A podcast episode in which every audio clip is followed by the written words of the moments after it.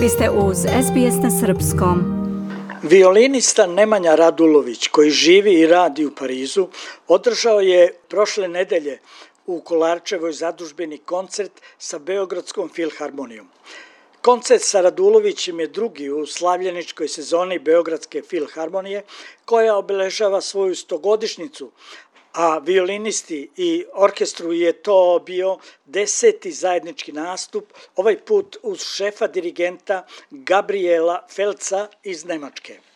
Radulović i Beogradska filharmonija su na početku izveli koncert za violinu i orkestar Ludviga van Beethovena, dok je drugi deo koncerta bio rezervisan za simfonijski prvenac Gustava Malera, koji nosi naslov Titan. Na kraju koncerta publika je Radulovića i muzičare Filharmonije pozdravila ovacijama. Radulović je pre koncerta za Tanju rekao da je za njega uvek veliki izazov izvođenje dela Ludviga van Beethovena. Naveo je da je Beethovenovo delo sa tehničke strane dosta komplikovano zbog intonacije, precizne čistoće zvuka, a zatim je kazao – ali sa druge strane muzički je toliko um, zahtevan i sa jedne strane vas umori, a sa druge strane vas napuni nekom posebnom energijom i da vam snagu posle na, na kraju na kraju koncerta. Mogu da kažem da, da uživam apsolutno i kada sam sa svojim ansamblom, kada sviramo program recimo Roots, ali i ove stvari nekako, pogotovo Beethoven. Beethoven je za mene taj violinski koncert najomiljeniji, evo već preko 20 godina kako, kako i svirama i kako, kako uživam. I nikada mi nije dosadno da iznova, zato što je ostavio toliko prostora uh, izvođačima da, da imaju svoju viziju i tako da uživam. Pa u jednom periodu jesmo, um, nakon toga da nismo u jednom periodu, ja sam živeo u inostranstvu, to jest i dalje živimo u inostranstvu i uh, eto sada da, već deset, deseti put, wow. Prvi nastup sa Gabrielom i uh, sa Filharmonijom. Sa Gabrielom smo već sarađivali uh, u drugoj zemlji.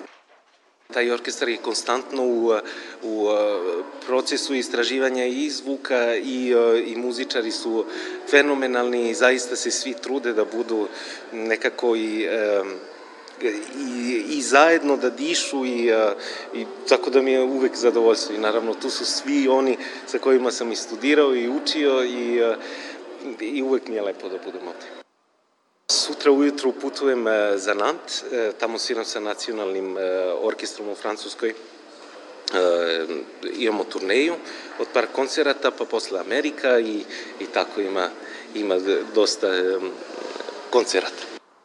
Nekako je to krenulo naglo od, od pre par meseci, moram da priznam da sam ja otišao na taj chat GPT. Um, čisto da vidimo o čemu se radi, a što se muzike tiče nisam, nisam e, istraživao malo više. Tako da ne mogu nešto specijalno da kažem na tu temu.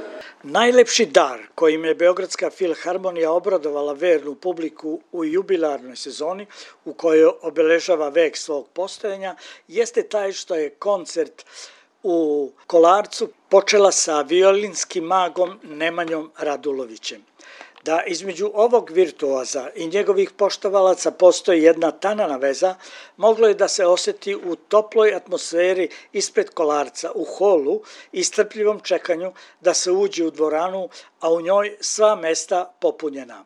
Nekima nije bilo teško ni da stoje, a nekolicini je bilo udobno i na stepenicama gornje galerije. Publika je bila u prilici da nabavi i Nemanjin novi album Roots, u izdanju Maksoma koji je predstavio tokom leta u našoj zemlji i u svetu. Ovo specijalno izdanje ima 17 pesama koje su ukorenjene u različitim tradicijama sveta, od romske, srpske i makedonske sve do japanske. Koncertu su prisustvovale mnoge ličnosti iz kulturnog i javnog života zemlje, kao i predstavnici diplomatskog kora iz Beograda za SBS Hranislav Nikolić. Želite da čujete još priča poput ove? Slušajte nas na Apple Podcast, Google Podcast, Spotify ili odakle god slušate podcast.